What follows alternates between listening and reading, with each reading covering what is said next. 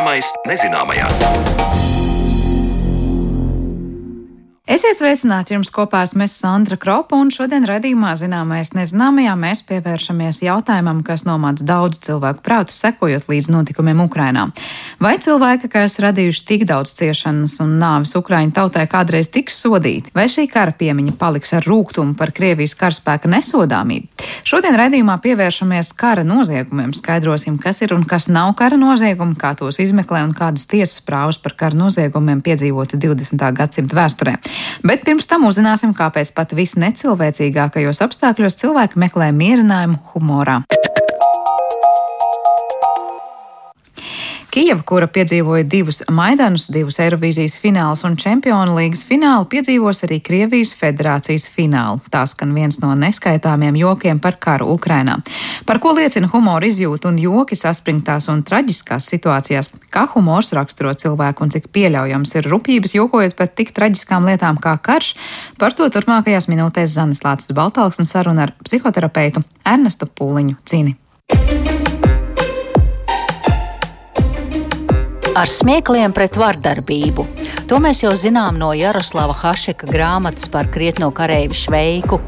Otrā pasaules karā par Hitleru un Musolīni atļāvās paņirgāties komiķis Čarlijs Čaplins, izveidojot komēdiju Lielais diktators. Un tagad, Ukrainas kara laikā, ikdienu sociālajos portālos tiek pārsūtīti neskaitāmi joki par Putinu un Krievijas armiju. Karš nav smieklīgs, ciešanas, bats, nāve. Tas nav nekas jautrs. Bet tad, kāpēc šādās smagās situācijās cilvēki atrod laiku un veidu, kā pasmieties par apkārt notiekošo? To es jautāju Rīgas Stradiņu Universitātes psihosomatiskās medicīnas un psihoterapijas klīnikas galvenajam ārstam, psihoterapeitam Ernestam Pūliņam Cinim. Humors vienā īsā teikumā, humors ir pilnīgi normāls aizsardzības mehānisms, kā tikt galā ar šausmīgām emocijām.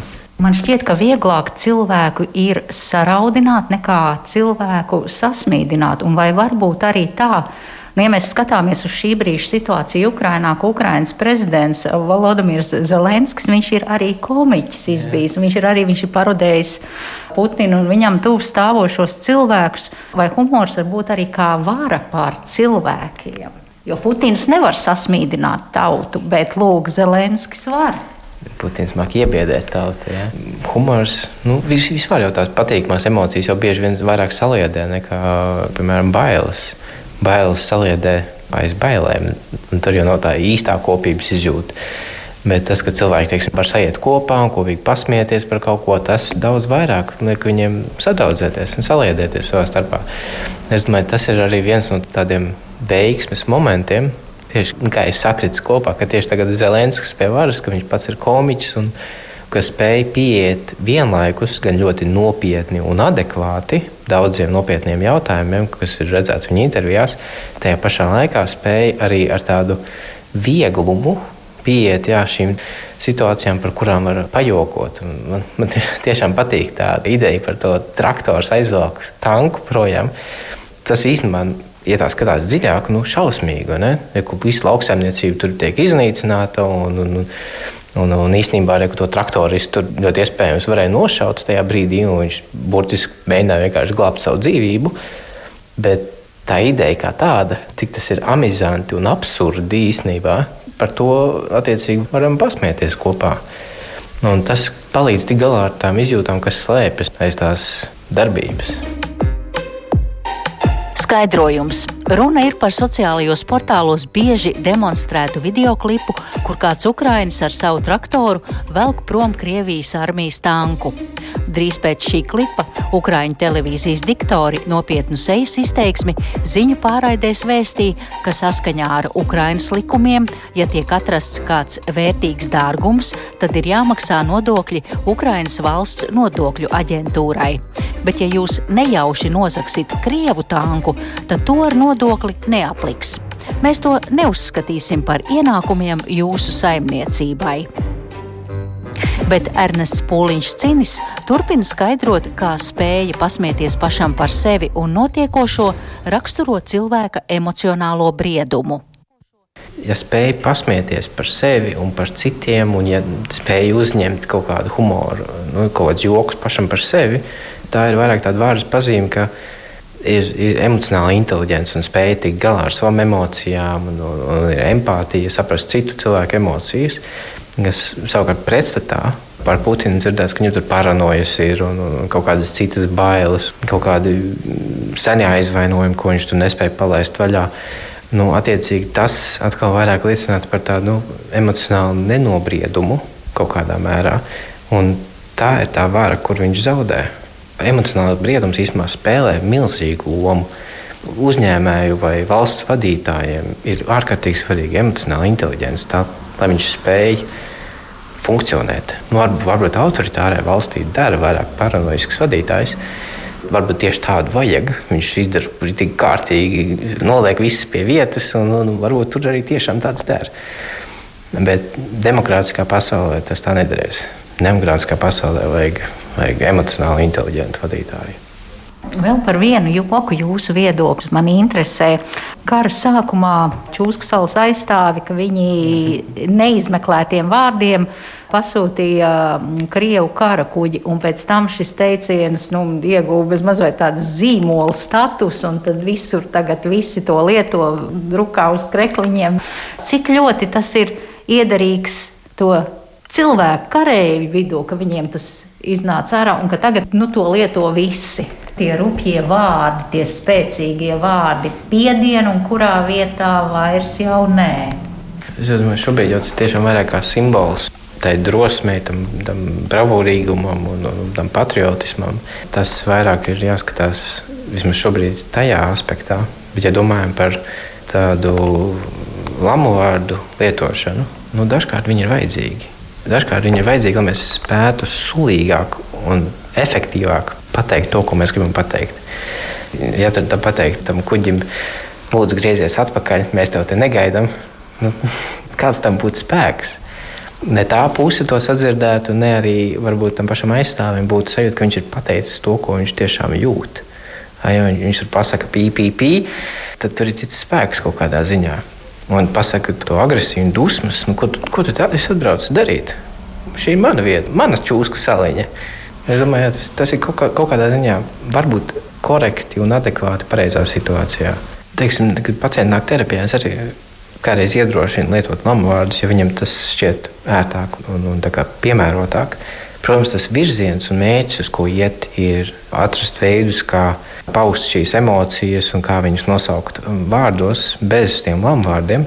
Bet ir situācijas vai kaut kāda iekšēja prāta stāvokļa, kur varbūt neatrodas tie citi vārdi, kā to pateikt. Nu, tad lai iet tie sulīgie vārdi, nu, sapratīs to domu. Intervija notika pāris dienas pirms kreisers Maskvā tika nogremdēts Melnajā jūrā. Un tagad jau interneta vidē klīst jauni joki par to, kā zīvis vai nāriņas brīnās, kāpēc tik dārga īres maksa ir nogrimušajā kuģī. Un atbilde ir: nu tā taču ir Maskava. Vai ir tā, jo tas humors ir melnāks, sīvāks, rupjāks, jo cilvēks vai apzināti vai neapzināti ceļ to aizsargu barjeru pret notiekošām šausmām apkārt. Tā ir un tajā pašā laikā nav. Jo nu, ir tas, kā mēs varam runāt par šīm sensitīvām lietām. Jo nereti tur, kur komiķi uzstājās, viņi runā par izvarošanu, par pedofīliju, par rasismu jokiem, par nacistiem, vai ne visas tās īpaši sensitīvās tēmas. Kādreiz par tām tēmām tieši runāt īstenībā pat ir daudz grūtāk. Tādā ziņā, ka tur ir grūtāk nonākt pie kaut kādiem produktīviem secinājumiem, produktīvām pārdomām, bet tā ļoti spilgti izgaismojot kādu problēmu, īstenībā var runāt par šīm nopietnām tēmām. Tajā pašā laikā, kur vairāk jāizdomājās, ir nevis tas, cik tumšs ir tas humors, bet tas, cik ļoti daudz viņu izmanto. Jo, ja ir tā, ka visu laiku par to smējās un nepieiet nopietni, tad varētu būt tā problēma. Kā piemēram, Zelenskis arī minēt, tad, kad vajag nopietni, viņš runā ļoti nopietni un, un struktūrēti un sakārtot un tā atbilstoši reālajai situācijai. Un tad, kad vajag pieiet ar vieglumu, varētu teikt tādu rotaļīgumu, tādu rotaļīgu attieksmi, tad viņam tas sanāk. Un ka viņš nav, nepazaudē to kontaktu ar realitāti. nav pa daudz. Kādu nu, es saprotu, tā ir arī ļoti, ļoti trausla robeža, kurā brīdī tas humors var būt vietā vai nevietā vai pa daudz. Cilvēks varbūt aiz izmisuma mēģina jokot, bet viņš ir pāršaus par strīdu. Iespējams, tā to varētu skatīties, bet tas ir ļoti individuāli jāvērtē. Man negribētos tā, lai klausītāji, kas šo klausīsies, ka viņi sāk sev, sev diagnosticēt tādu, ka es pa daudz vai pa maz jokoju. Nu, tur ir jāpaskatās dziļāk, kas notiek ar tām izjūtām, vai ar viņām tiek galā, vai tur ir citi veidi, citi aizsardzības mehānismi, kurus izmanto. Jo psihiskās aizsardzības mehānismi mums ir vajadzīgi. Viena no lietām, kas ir arī viens no tiem veselīgiem psihiskās aizsardzības mehānismiem, tā ir sublimācija. Tas ir kā tas piemēram šajā situācijā mums var izpausties. Piemēram, es eju strādāt par brīvprātīgo lai mazinātu savu bezspēcības izjūtu. Un bezspēcības izjūta arī ir tāda nu, grūti izturama vienkārši. Un es viņu mazinu, es aizsargājos no viņas, ejot strādāt par brīvprātīgo. Nu, aizsardzība nav slikta, vai ne? Bet tas arī ir aizsardzības mehānisms. Tieši tāpat kā humors. Adekvātās devās, adekvātā vietā ir ok. Un, un tas vai ir par daudz, nu, pašam būs kādreiz grūti izvērtēt. Cik vispār nu, dažādās traģiskās situācijās tas humors ir? eh, pieļaujams. Mēs runājam par pērēm, vai par to, ka tuvinieks aiziet, vai, vai, vai karš, vai kāda nelaime ir notikusi. Es domāju, ka visur, pat bērēs. Protams, ir svarīgs konteksts, ir svarīga tā sabiedrība, kur atrodas. Man pašam bija ļoti tuvu cilvēku bērns pirms nedaudz vairāk kā gada. Un es, atceros to vairāk to brīdi, kad mēs smējāmies visi kopā. Kad arī viena no tām runām bija par to, ka šī dāma, kas bija nomirusi, viņa būtu gribējusi, lai viņas bērēs dejo, smējās, lai cilvēki ir priecīgi, lai viņi priecājas par to, ka viņi ir dzīvi, ka viņi bauda vēl to dzīvi. Vienlaikus ļaut sērot, izraudāties. Tajās bērnēs nevienam nepārmet, ka viņš raud un neteica, tur ej, ej saņemies un beidz raudāt. Tur bija gan raudāšana, gan smiešanās, un draudzīgas sarunas. Un, manuprāt, viss, ko vien vajag bērēs humors var iedarēties arī tādā situācijā. Bet, teiksim, ja mēs domājam par kādas politiskas figūras bērēs, un kur kaut kādas nu, teiksim, ir atvadīšanās pie brīvības pieminekļa, kur ir ļoti formāli, es šaubos, vai tur būtu iederīgi. Nu, jā, atkal ļoti individuāli jāvērtē. Ko jūs teikt par tēzi, ka humors tas ir? mūsu dzīvo protests pret, pret nāvi, pret nāves neizbēgamību, pret nāvi kā daļēji nu, mums neiepazītu parādību. Jā, es to pašu izvērstu, pārsaucot to nāvi par, par tām emocijām. Jo domājot par to nāves neizbēgamību, tur ir daudz tādas. Kas no nu kuram? Kādam ir eksistenciāls bailes, kādam bezspēcība, kādam ir izmisums. Un, un tad mēs varam atkal par to pasmieties, un tā ir tā aizsardzība. Bet tas jau nenozīmē, ka mēs mēģinām noliegt, ka būs nāve. Tāpat mēs saprotam, ka būs, bet varam, varam pasmieties. Andrejs Kurkovs, šobrīd pasaulē populārākais mūsdienu ukrāņu rakstnieks, mikroblogošanas vietnē Twitter 6. martā ir ierakstījis. Putins nomira 2022. gada 24. februārī, pulksten 5. pēc Kijevas laika. Viņš tik to vēl nezina. Savukārt kāds cits Kurkova kolēģis, Odesā dzimušais dzinieks Ilja Kaminskis, laikraksta Miami Herald elektroniskajā versijā šī gada 22. martā rakstīja šādi. Šis ironiskais, bieži vien tumšais humors nosaka Ukrainas pretošanās kultūru. Odesā tas palīdzēja cilvēkiem izdzīvot padomju laikos. Humors ir daļa no mūsu pretestības, tā rakstīja Kaminskis. Tik tālu par to, kā smagas mūsu dzīves epizodes ļauj izdzīvot humors, bet raidījuma turpmākajās minūtēs pievēršamies kara noziegumiem un kara tribunāliem.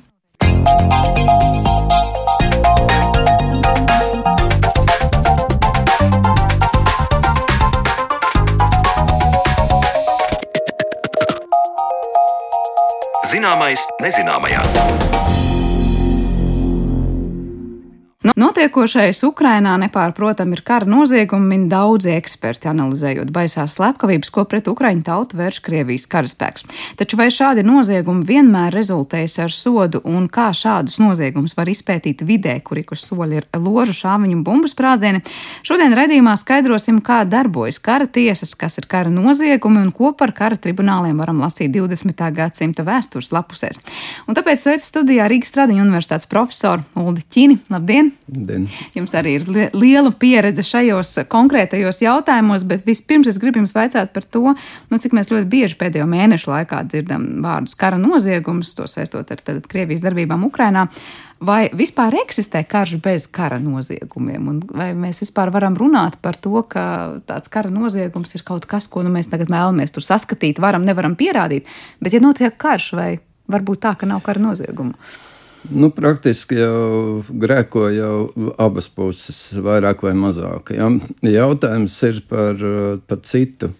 E, piemēram, arī, nu, cik es dzirdu, Ukrainā notiek kaut kāda, kaut kāda ekscesa, kurā pret kara gūstekņiem Ukrainas karavīri nav izturējušies pienācīgi.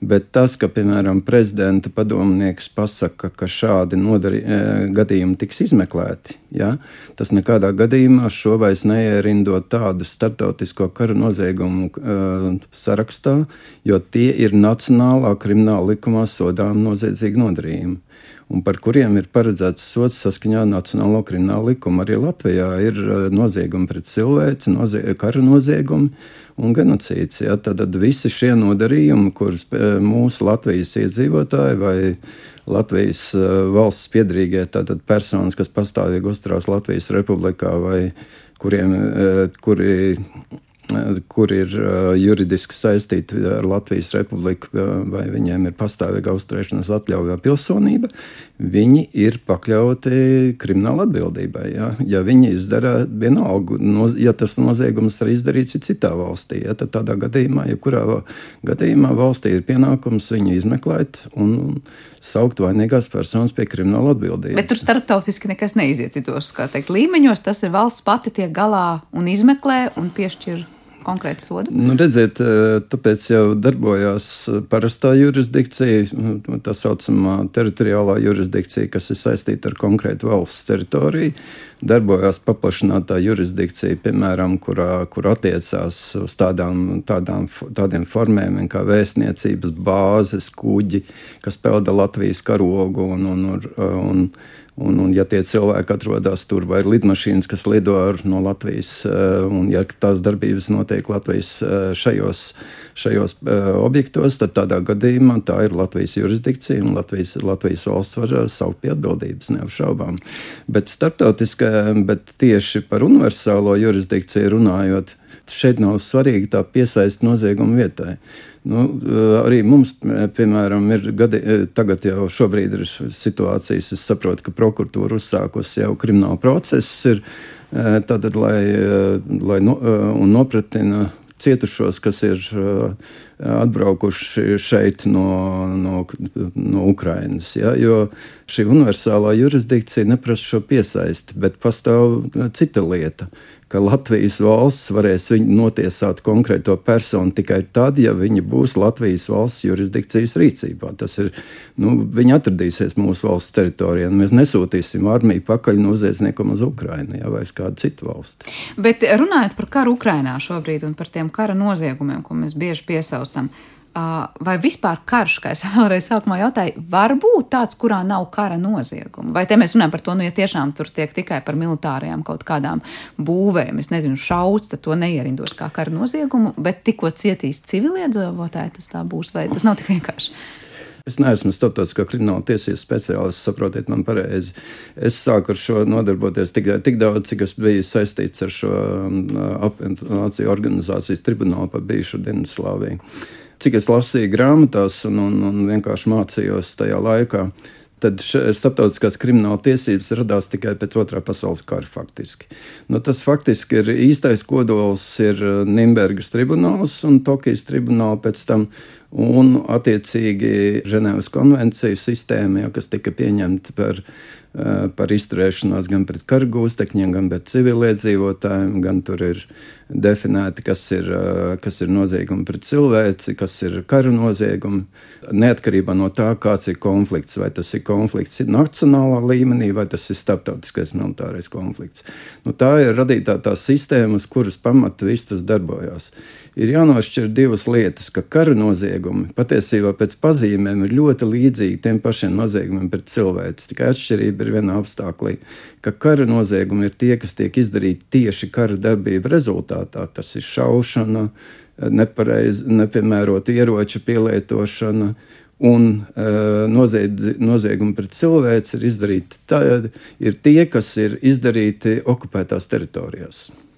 Respektīvi, ka Vai nu tie ir karavīri, tur marodējuši, vai viņi tur slepkavojuši, laupījuši, un ko, ko un viens tur viņus nav par to saucis pie atbildības. Un, un tādā, gadījumā, tādā gadījumā viņi izdara noziegumus pret cilvēci. Tad atslēgas vārds ir okupētā teritorija, vieta, kurā tas noziegums jā, ir izdarīts. Jā, tā ir tā atšķirība. Jo darbības patiesībā ir vienas un tās pašas faktiski. Nu, ar nelieliem izņēmumiem, bet principā darbības. Kara, darb, eh, kara noziegumi, protams, vairāk saistīti tieši ar ar kara vešanu, piemēram, šaušanu ar tādiem ieročiem, kuri rada nu, nu, tādus uh, nesamērīgi lielus bojājumus, un tie, piemēram, ir nu, saskaņā ar šīm, šīm konvencijām, ir vesela virkni ieroču kategorija, kas ir aizliegts lietot. Nu, to es tagad dzirdu Ukrainā, ka tur lieto gan kasešu bumbas, gan kājnieku mīnas, gan, gan šos gradu sistēmas ieročus Eh, ko faktiski aizliegts lietot pret civiliem objektiem vispār. Ir, jā, viņas, var, ap, eh, viņas var lietot pret militārām pozīcijām, bet viņas pret civiliem objektiem nevar lietot. Tajā brīdī, kad es tur piedalījos lietā, tad par civilo objektu neuzskatīja tikai māju, piemēram, vai dzemdību namu, bet par civilo objektu uzskatīja pat labības lauku. Atgādinām, tas ir Dienvidslāvijas konflikta gadījums. Jā, jā, jā. Šajā gadījumā mēs dzirdam un redzam, ka tie ir dzemdību nāmi, mēs redzam dzīvojamās ēkas, liekas, kur nu vēl vairāk pierādījumu. Bet kā ir, vai, piemēram, tas, ko mēs redzam, kas notiek Ukrajinā, ar to pietiek, lai sauktu pie atbildības pēc tam šos nu, cilvēkus? Nu, tas ir ļoti svarīgi, ka tiek konstatētas sekas neapšaubām. E, tiek konstatētas sekas, vākta pierādījumi, bet tā ir tikai tā mazākā daļa visā tajā sistēmā. Jo jāatcerās un jāsaprot, jums ir, kad starptautiskais tribunāls ir ārprātīgi dārga lieta. Tas ir ne tikai dārgi, bet viņi vienkārši ir resursi ietilpīgi. Viņi ir cilvēku resursi ietilpīgi, viņi ir zināšanu resursi ietilpīgi, viņi ir tehnisku resursu ietilpīgi, un plus vēl arī finansiāli viņi ir ārkārtīgi ietilpīga, dārga lieta. Nu, piemēram, tad, kad Dienvidslāvijas tribunāls sāka funkcionēt, nu, tad man kolēģi teica, ka apmēram tribunāla budžets bija viens miljards dolāru gadā.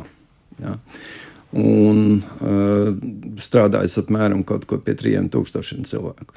Nu, tā kā, tā kā tas ir milzīgi resursu ietilpīgs process, un kad mēs paskatāmies to rezultātu, ko 14 gadu, teiksim, attiecīgi to no 94. gada laikam tribunāls sāk strādāt. Tad no 90, 94. Eh, gada līdz 2017. gadam ir notiesāts 98 vai cik personas. Ja. Tas patiesībā nu, nav. Tu netiesās katru izpildītāju, ja tur tiesās tikai pašus augstākos eh, ģenerāļus, kas plānoja, kas komandēja, ja, kas organizēja visu to. Ja. Jo vienkārši starptautiskā sabiedrība to, to vienkārši nevarēs panest, pacelt. Tas nav iespējams.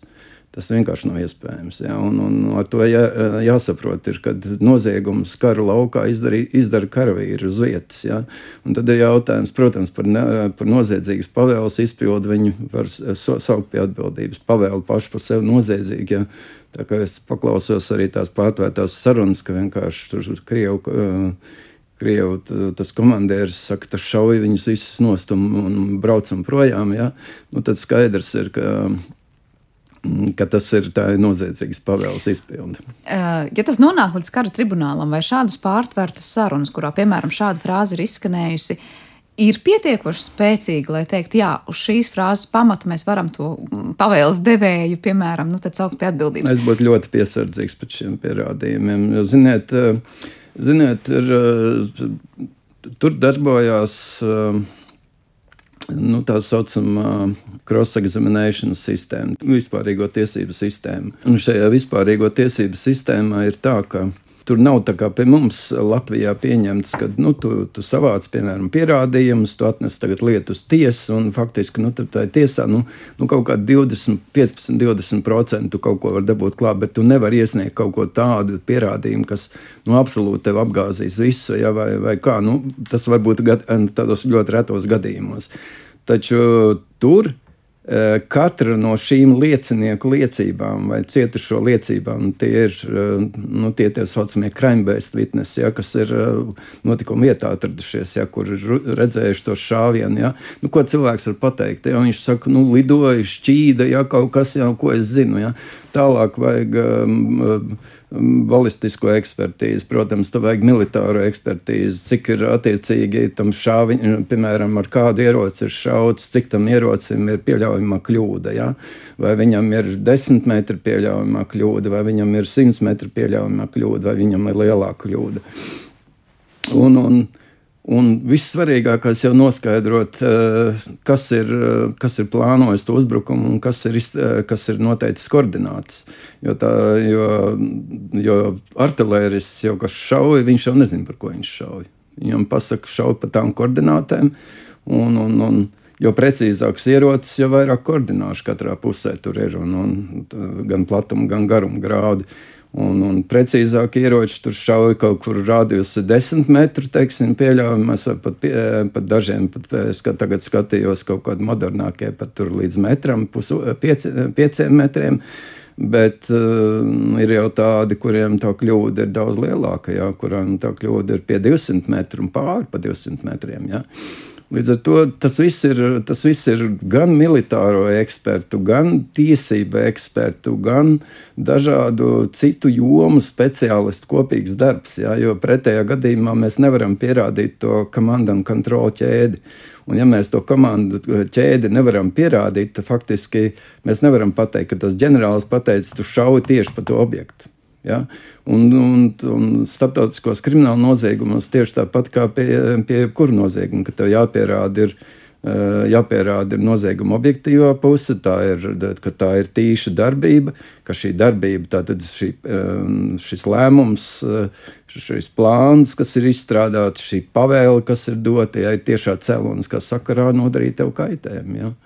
Un turklāt ir jāņem vēl viens aspekts vērā, ka Šādos gadījumos, protams, eh, tas atkarīgs no tā, kādu, eh, par kādu noziegumu sauc personu pie krimināla atbildības. Ja, piemēram, sauc pie atbildības par agresiju, nu, tad nesauks karavīri par agresiju. Ja sauc, eh, sauc valsti vai personas, kur, kuras izplānojuši šo ja, teiksim, darbību. Bet, ja sauc pie atbildības, ja sauc pie atbildības, pieņemsim par uh, par, eh, par kara noziegumiem, eh, par to, ka ir teiksim, šauts par, par civiliem mērķiem, tad ļoti liela nozīme tam ir, cik tuvu no tā mērķa ir bijis tas militārais objekts. Proti, jo tuvāk, jo vairāk būs iespēja attaisnot, ka tā ir bijusi kļūda arī, un tā tālāk. Jā, jā. Bet kur ir problēma? Dažkārt liekas, nu tajā brīdī, labi, varbūt nav iespēja pierādīt konkrētajā brīdī to visu, kā saka, pavēļu došanas ķēdi un izpildes. Bet, ja mēs redzam, ka augstākās amatpersonas tajā brīdī ir bijušas, nu tā kā piekritušas, ka vispār, nezinu, dosimies tur un uzbruksim tiem civiliem iedzīvotājiem, pastrādāsim, nu to, ko mēs šobrīd redzam, kas ir noticis, nu, nu daudz kur Ukrainā, pat Buča ir, nu, viens no vadījumiem, ko mēs redzam. Kāpēc tur nevar izvirzīt kaut kādu konkrētu, nezinu, atbildības augšanu tikai par to, ka jūs zinājāt, uz ko jūs ejat, un tas jau bija noziegums pret cilvēku? Nē, nu, cik es saprotu, tad uh, es te klausos diezgan, nu, diezgan regulāri Aristoviču, un, un viņš jau teica, ka ir noskaidrots visas personas, kas tur rīkojās bučā, mēs visus viņus uh, sauksim pie atbildības. Uh, Tā ir, tā ir viena, tas ir neapšaubām. Tas var būt ekscess. Tas, var būt, tas, ne, tas, tas nav obligāti teiks, ka to ģenerālis kāds pavēlēja. Ja, ja, ja tieši būs zināms, ka kāds, nu, teiksim, tā augstākā komandiera pavēle bija, atstājam tukšu vietu, iznīcinām visu, nodedzinām visu līdz zemē, ja, un nerēķinamies ne ar ko, nu, tad tā skaidrs, ka tā, tad, ir, tad būs pierādījums, ka būs tā, cel, tā rīcība, būs tā, tā pavēle uzdot, un pavēles izpildītājs sajies cēloniskā sakarībā ar tām sekām, kas notika. Ja? Un tad neapšaubām, neapšaubām var pierādīt. Bet, kā jau saku, ja, lielākā daļā šos, šos jautājumus lems Nacionālās tiesas. Ma, ļoti nedaudz gadījumos tiks iesaistīts. Nu, es nezinu, cik bija Mīnhenes tribunālā, Nimbergas tribunālā, es neskaitīju apmēram cik, bet nu, katrā gadījumā nu, nebūs nu, vienkārši tā tā tiesu sistēma, tā starptautiskā, viņa vienkārši nespēja tikt galā ar visu to, jo tie procesi ir ārkārtīgi gari. Piemēram, mūsu lietā, kurā es piedalījos, un iedomājieties, notikumu notika 2006. gada augustā. Un, un sauca pie atbildības personu, personas uh, ierosināja lietu, jo tūlīt pēc tam nu, uzsāka pierādījumu vākšanu, pareizāk sakot un tikai 2008. gadā sākās process. Ja? Tā kā jūs saprotat, ir, nu, tas ir milzīgi sarežģīts process. Ir, turklāt ir jāņem vērā vēl viens apstākļus, ka, nu, cik es novēroju to par, par to laiku, kamēr es strādāju. Tur uh, advokāta pusē aizstāvību, nu, tāpat tās kā jebkur jānodrošina aizstāvība neapšaubām. Un to aizstāvību realizē izcili juristi. Izcili.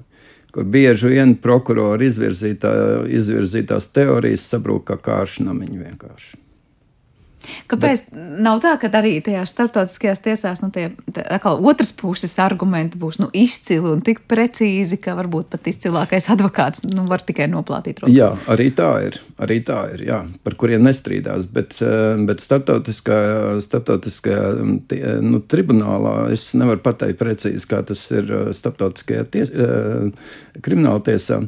Bet uh, pierādījumi, tie, kas tiek iegūti šobrīd, viņiem, uh, viņiem ir, uh, nu, teiksim, es neteiktu, ka sekundārs raksturs.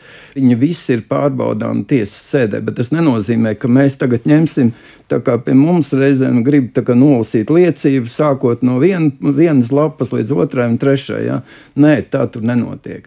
Tur prokurors nolasot vienu punktu no šīs liecības, piestāda pierādījumu. Piemēram, viņš uzliek karti uz ekrāna un parādiet to punktu, kurā, kurā tas šāviņš. Tā, cilvēks uh, ieliek punktu, tā mēs nofiksējam viņu kā lietišķo dokumentu, teiksim, kurš, kuram vēl nav pierādījuma spēks. Un tad aizstāvība pēc tam savā runā pēc tam apstrīd to, vai viņš, ir, pat, punktu, jā. Vai viņš ir apstrīdējis, vai viņš ir pateicis pareizi, vai viņš ir pateicis nepareizi. Un bieži vien mums ir bijušas nu, 8, 10 stundu diskusijas par viena vai otru nu, tāda tiesā iegūta pierādījuma pievienošanu lietas materiāliem. Vai tas, kā karš notiek šobrīd Ukrainā, mēs redzam, nu tiešām nu, iepriekš laikam reti kāda varbūt tik daudz tika fiksēts gan pārtvertās sarunās, gan konkrētos video materiālos, gan, es nezinu, satelīta attēlos. Jūs teikt, ka šajā konkrētajā karā būs vieglāk šos pierādījumus tiešām arī iegūt? Nebūs. Tāpēc, kad eh, ne viss, kas, ne viss ir zelts, kas spīd, un, un mēs, eh, nu, juristi, tiesneši, ļoti skrupulozi attiecamies pret pierādījumiem. Pierādījums ir tas, kas nepārprotami apstiprina to vai citu faktu. Uh, Tas, kad viņam ir pārtvērta saruna internetā, viņam ir eh, vai kaut kur citur, viņam ir jābūt sasaistītam ar citiem pierādījumiem. Protams, ja izveidojas pierādījumu ķēde, tad neapšaubām. Ja? Bet jūs saprotat, tā, tā procesa būtība ir tāda, ka mēs pat kā tiesneši nezinājām, kādi pierādījumi tiks tiesā piestādīti. Mēs varējām iepazīties ar visām tām liecībām, kas bija tos 14 gadus atpakaļ paņemtas no cilvēkiem. Jā, to mēs izdarījām. Jā. Mēs izlasījām visus transkriptus, tur, kur, tur, ko prezidenta, prezidenta oficiālā bija lemts speciālās sēdēs, kad ir jāveic šī operācija, tātad, un kad serbi tur ir augonis. Uh, um, Horvātu miesā un tā tālāk. To mēs visu varējām izlasīt. Kad ģenerāļi apstiprina, jā, visu to mēs varējām izlasīt. Bet tālāk sākās viss tas cik tas ir precīzi, cik tas ir, vai tam ir ticamība, vai tas nav pierādījumam, nav viltojums no šādā internetā vidē iegūta pierādījuma, protams, būtu um, ento pārbaužu vērti. Kā mums skatoties vēsturē un arī jūsu konkrētā pieredze, ko stāsta, cik daudz no kara noziegumos nu, re, rezultējušiem tādiem, nu, tie noziegumi precīzāk ir rezultējušies ar taisnīgu sodu un tiešām konkrētās cilvēku grupas, privāta personas, organizācijas ir saņēmušas un izcietušas to sodu. Ziniet, es teiktu tā, ka es, es, es laikam atbildēšu filozofiski. Es teiktu tā, ka man liekas, ka taisnīgu sodu mēs varētu runāt tad, ja mēs tiešām tās lietas skatītu tur pietuvinātos tiem kaujas apstākļiem, ka mēs tur tiešām tiesneši atbrauktu uzreiz, mēs tur sava, sanāktu kopā un, un uh, prokurori momentāli mums iesniegt pierādījumus, mēs viņus vērtētu turpat tās uh, bezmaz vai tādos. Uh, tajos apstākļos, ka mēs redzam visu to uz vietas, kas tur viss notiek un tā tālāk. Ja, viss. Ziniet, pēc 14 gadiem sēdēt Hāgā, vērtās telpās un, un, un skatīties, eh, klausīties. Protams, ka tā, nu, man personīgi tas drausmīgi iespēja atstāja vienkārši uz, gan uz nervu sistēmu, gan uz vispārējo. Jo, jo tu vienkārši mm, liekas, ka pirmās mēnešus tu jūgs prātā jau no šīs drausmīgās informācijas, ka tu katru dienu tur nogalināt un, un, un dedzinātas mājas. Un, un tūkstošiem nošautu māju lopu, kas smird tur visi, un kāda visa tā situācija vēl viņam tur augusta mēnesī, kad vēl bija tur karsts, vēl pūvis un tā tālāk. Nu, tā, tā viss ir, bet nu, pēc tam tu vienkārši ieslēdz to racionālo domāšanu. Un, Nu, pieskaita klāt vienkārši. Tam jau nav nozīmes, cik bučā nogalināt. Vai nogalināts būtu desmit cilvēki, vai nogalināts simts cilvēku. No kara nozieguma viedokļa tam nav nozīmes nekādas. Kvalifikācija tāpat tur izpildās. Jautājums ir tikai, protams, par tie par iesaistītām personām un tā tālāk. Uh, Un mēs neņēmām vērā viena horvāta karavīra liecību, bet nu, viņš ļoti nu, pamatoti tur aprakstīja, kā viņš rīkojas, ka vienkārši armija bija uztaisījusi par slepkavošanas mašīnu. Armija viņa bija vienkārši uztaisījusi par slepkavošanas mašīnu, ka viņš vienkārši tur bija. Bet, nu, protams, viņam tur mēģināja, un aizstāvībā izdevās pierādīt, ka viņam tur ir posttraumatiskais sindroms, un ka viņš tur nav, viņam liecības nav ņemamas vērā un tā tālāk. Nu, tā, tā liecība prokuroram netika ņemta vērā. Jā. Bet, eh, principā, nu, tā, tāds, doku, tāds raksts viens bija, un tad vēl sausījās eh, kara prokurors un vai nebūtu saucams pie atbildības tā persona, nu, tad fiksa aizstāvība to nogludināja. Tā kā patiesībā arī šajos kara noziegumu izmeklēšanas laikā un arī tiesājot tos, mēs nevaram izvairīties no tā, ka varbūt nu, nevis notiek tā, kā gribētos, un lai tur eh, vainīgie saņem pelnīto sodu? Nu, ziniet, eh, ziniet, vispār, ja mēs tā paskatāmies eh, uz tādu kriminālo pasauli, tad faktiski jau pie atbildības sauc tikai nu, nu, zināma daļa, tikai par ko nu, nonāk faktiski policijas rīcībā. Nu, es nevaru pateikt par visiem noziegumiem, bet es varu pateikt par kibernoziegumiem. Nu, tā ir kaut kāda 0,009% no tā, kas notiek. Ja? Un tas, eh, es domāju, ka tas skaitlis nav diži lielāks arī par citām lietām, nu, par tādiem nopietniem, jā, slepkavības, izvarošanas un tādas. Bet par tādām zādzībām, pieņemsim, vai ko nu, daudz cilvēku taču vienkārši neziņo. Runājot par nu, pavisam lielām lietām, kā kara noziegumu, mm. nevelti kara tribunāli, tur tā statistika nav labāka. Nu, jā, nu, bet tur jau arī saprotiet, uh, nav, mums, bija, mums bija tas sākuma punkts, kad prokurors nāca uz tiesu. Viņš vēlējās, lai tiktu nopratināti piemēram 340 liecinieku. Nu, mūsu juristu komanda, tas ir 11 ār, ārkārtīgi uh, izglītoti speciālisti, um, izpētīja visus tos, un mēs vienojāmies, ka mēs atļausim viņiem pratināt 140. Tad jūs iedomājaties, ja mēs būtu pateikuši 300, tad tas process būtu aizvilcies mums vēl trīs gadus uz priekšu. Ja? Nu, tad uh, vienkārši ir tā iepriekšējā jau tā, tā jāapskatās, ko tas konkrētais liecinieks šajā te, lietā varēs liecināt. Nu, tas, kad pieņemsim šāds, nu, pieņemsim, notiek process tagad par nodarījumiem bučā. Tagad nāks cilvēki un stāstīs. Kad es, es iznācu ārā un redzēju, vat, ka tur Vladimirs ir nošauts, piemēram. Ja? Nākošais atkal nāk to pašu stāstu. Ja? Nu, nu, nevajag divus tādus, kas stāsta. Ja? Vajag tādu, kas pasaka kaut ko citu, kaut ko jaunu, ja? lai tu redzi. Ja? Un, un, un tāda, ir, tāda ir daudz tie gadījumi. Ja? Piemēram, ārkārtīgi man liekas, tāda ļoti precīza liecība, kas noderēta piemēram tribunālā. Viena sieviete stāstīja par to, ka viņa bija Mariupols teātrī. Viņa aizskrējas bija vai pēc ūdens, vai pēc kā tur. Un, un, un, un, un, un pa to laiku tas teātris bija sabumbots. Ja? Un, un, nu, viņa saka, ka viņi izgājas visas tās teātris telpas, tur nebija neviena militārista. Un tā būtu ļoti svarīga liecība. Ja? Tā tiešām būtu ļoti svarīga liecība, ka viņi teiktu, jā, ka tur tiešām neviena militārista nebija. Un tad būtu reiz advokāti teikt, jā, bet tie militāristi, piemēram, tur bija, vai tas, tie karavīri kaut kur tur bija, tur 30 metru attālumā. Nu, tad sāk to kaut kā cīņa būt, vai tā kļūda notiek, vai, tā kļūda, vai tas precīzi tas objekts izvēlēts. Nu, un tā tālāk. Ja? Nu, tad ir ļoti daudz nianses, nu, kā, ja, kā juridiskā procesā. Ja. Es vēl gribēju pavaicāt par tiem, kurus sauc pie atbildības. Es skatos arī pēc Ruandas genocīda, ka pat pret naida mēdījiem tā bija teikts, bija sākts krimināla vajāšanas process, jo viņi kūdīja uz genocīdu 94. gadā. Vai var teikt tā, ka nu, šobrīd, skatoties, varētu tikt saukt pie atbildības arī mēdī, kā atsevišķi var teikt, nu, kā organizācija, vai tur būtu konkrēts personas, kuras privāti nes to atbildību, ko nu, ir katra teikusi ētrā? Nu, piemēram, pie kara noziegumiem pieder arī psiholoģiskais karš, nu, ko var izraisīt neapšaubām kaut kāda mēdī darbība. Var, protams. Tas ir, bet vai tā mēdī darbība darbojas uz to, nu, teiksim, to okupēto teritoriju vai uz kādām citām jomām. Nu, tas, ir, tas ir, protams, jā, jākon, jākonstatē konkrētiem, pie konkrētiem apstākļiem. Tā tas bet, ir, bet teorētiski var. Jā. Bet kas notiek, ja, piemēram, tiek saukt pie atbildības konkrēta organizācija? Nu, kādas ir sekas? Nu, persona tur notiesā vai nu, konkrēti uz tik un tik gadiem, vai kāds cits sots tiek piemērots. Kas notiek ar organizācijām?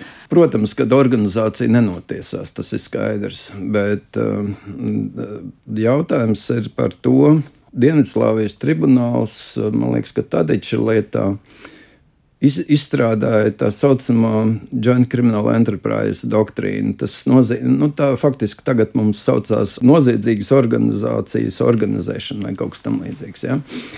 Respektīvi, ka e, organizācija ir izveidota ar mērķi veikt šos kara noziegumus un noziegumus pret cilvēci. Tātad pie, es, es par piemēru runāšu. Tagad es nerunāšu par, par faktu, bet pieņemsim, ka parāda tagad, ja, ka Putins kopā visā drošības padomē un ka viņš jau tur ir gādamies par tiem saviem padotajiem. Tur saka, vai jūs tagad piekrītiet, ka mēs tur pievienojam to, to, to DNR un, un ko tur Krievijai un, un tā tālāk, un vai piekrītiet, ka mēs tur ejam iekšā un, un, un, un ka mēs anektējam to valsti. Nu, ja tāda, tādu izdodas pierādīt, uh, ka teiksim, tāds, tāds dokuments pastāv, tāds, tad var runāt par, uh, par, stat, uh, par šādu noziedzīgi, noziedzīgu varas organizāciju. Patiesībā, kas ir izveidota ar mērķi veikt kara noziegumu, piemēram, agresiju. Ja vairāk, ja Putins tur ir te, teicis tālāk, pasaka, ka nu, vienkārši Ukraiņi ir jāiznīcina kā nācija, ja, Bet tā, man liekas, ka tā viņš nav tīri teicis, un tas būtu ļoti, ļoti svarīgi pie kvalifikācijas arī un pie visiem citiem apstākļiem. E, tad tādā gadījumā, protams, varētu runāt arī par genocīdu. Ja? Bet šeit ir, e, šeit ir ļoti uzmanīgiem jābūt, jo genocīdu pierādīt ir ļoti, bijis ļoti grūti, un patiesībā šajā Hāgas tribunālā tas bija iespējams tikai vienreiz saistībā ar Serebreņģis slaktiņu. Ja?